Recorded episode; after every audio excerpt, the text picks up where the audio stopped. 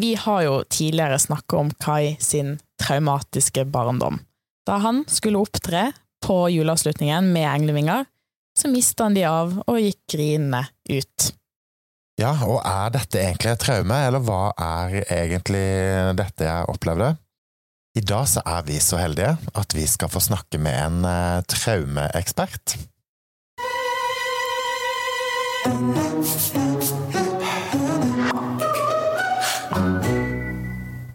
Julie, du jobber med noe som kalles sensorimotorisk psykoterapi. Hva er det? Det er en eh, kroppsorientert terapi.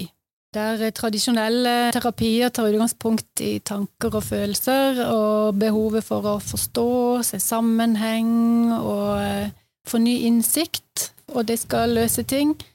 Så tenker vi veldig annerledes i sensorimotorisk psykoterapi, for vi begynner med kroppen tenker at kroppen husker alt, og alt vi har opplevd, er lagra der. Bare for å si litt om hvor sensorimotorisk psykoterapi kommer ifra. Det er ei som heter Pat Ogden, som er en av verdens ledende kapasiteter innen traumebehandling.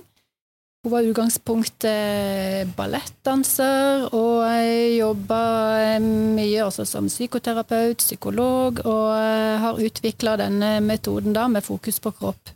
For når du sier å ta utgangspunkt i kropp, og kroppen husker ting. Og kroppen husker ting som man ikke husker i sitt uh, bevisste sinn, men det kan òg nesten være sitt ubevisste sinn, at man ikke husker det der. Åssen får man tak i hva kroppen uh, egentlig husker da?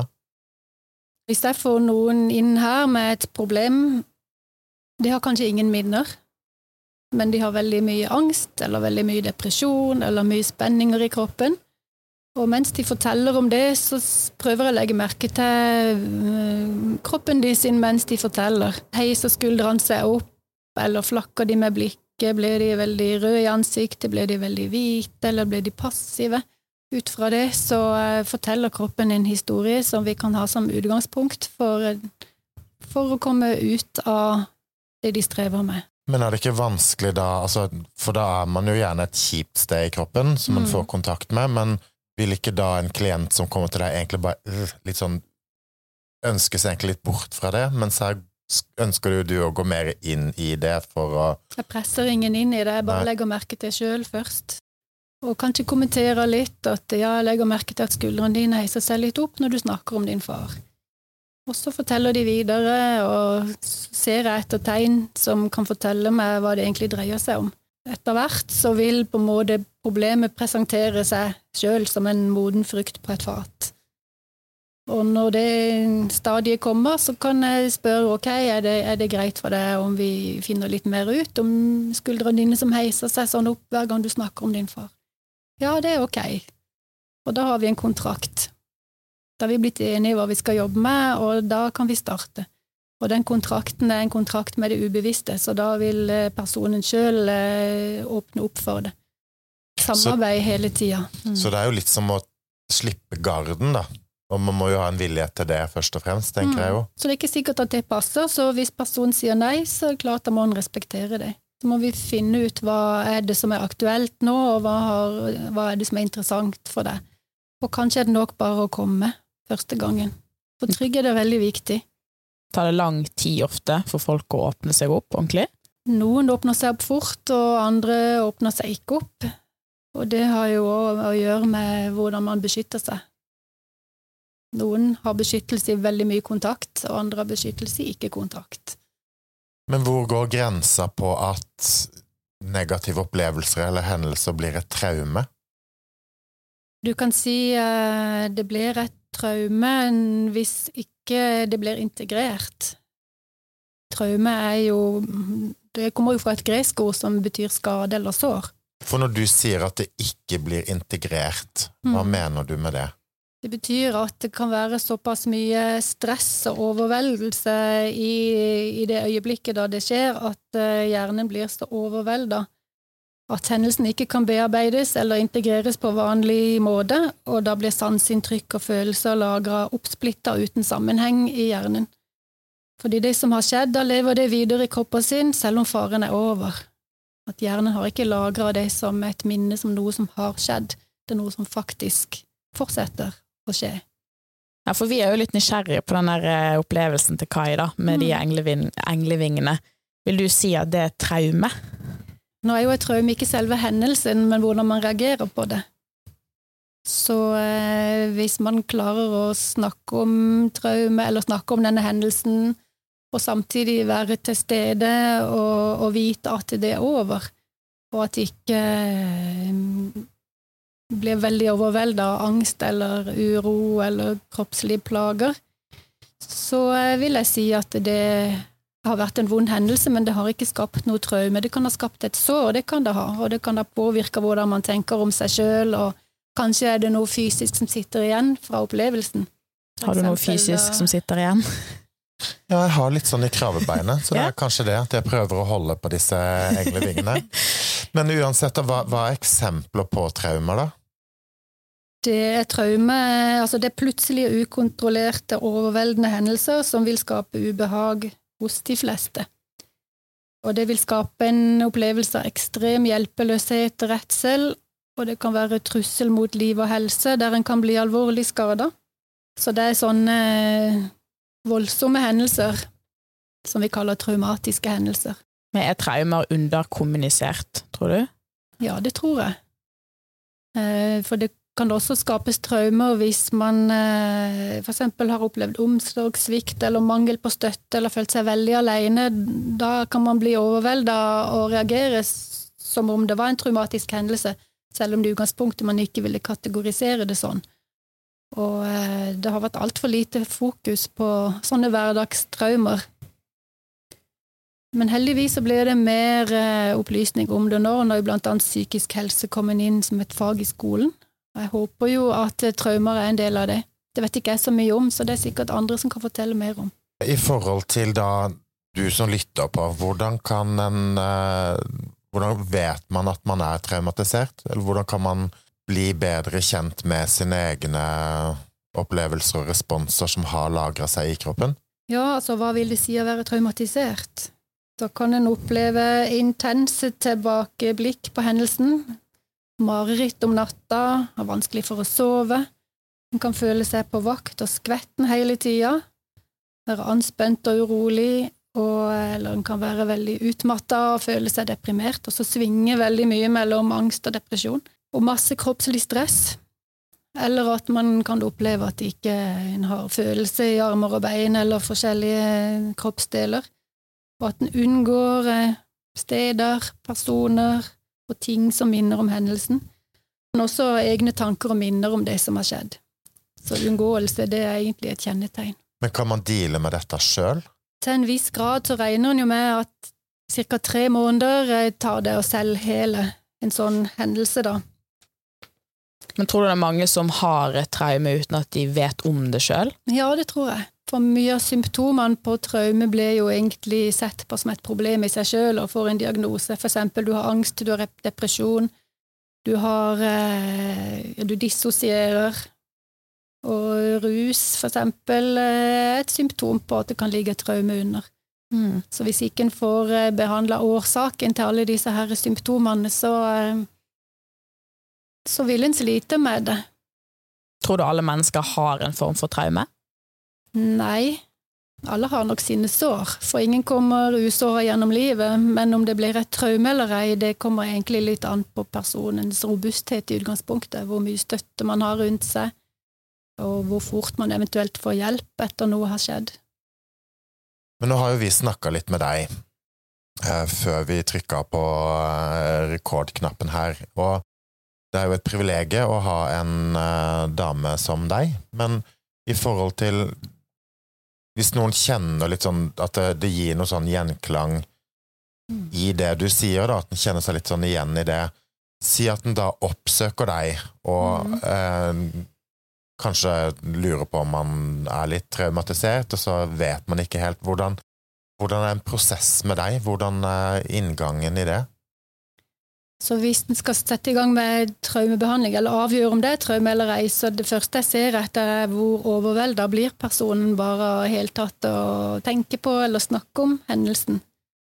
Eh, hvis en får helt panikk, eller eh, begynner å skrike, eller blir veldig urolig og, og egentlig faller ut, så forteller det meg at her er det traume.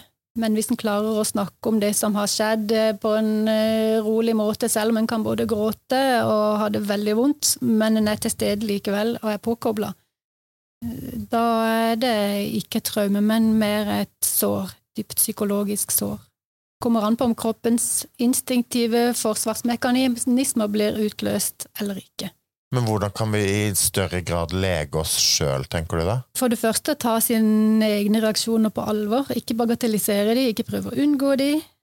Og eh, hvis en har vært utsatt for noe veldig overveldende, la oss si at en har blitt slått ned på gata eller rana eller eh, noe sånt, så er det for det første ikke legge seg ned og sove med en gang og så tenke at nå skal jeg bare hvile.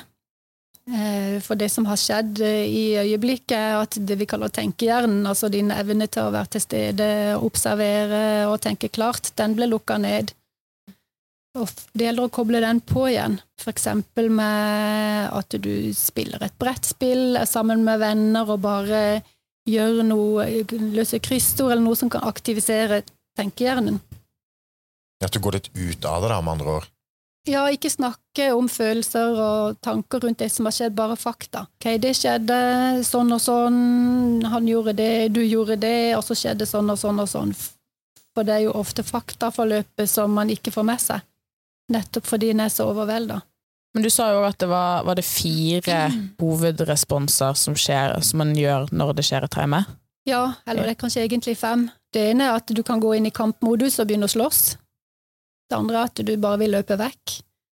Og så er det å gå i frys, man blir helt stiv og ikke vet hva man skal gjøre.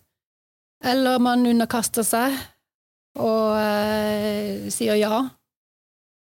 Eller en kan begynne å skrike, altså det vi kaller hjelperop. Og dette er ikke noe man velger, det er noe som nervesystemet velger for en ut fra hvordan det tolker situasjonen. Hvis motstanderen eksempel er veldig stor og sterk, så er det mye mer smart og kanskje underkaste seg, framfor å risikere at man blir enda mer skada.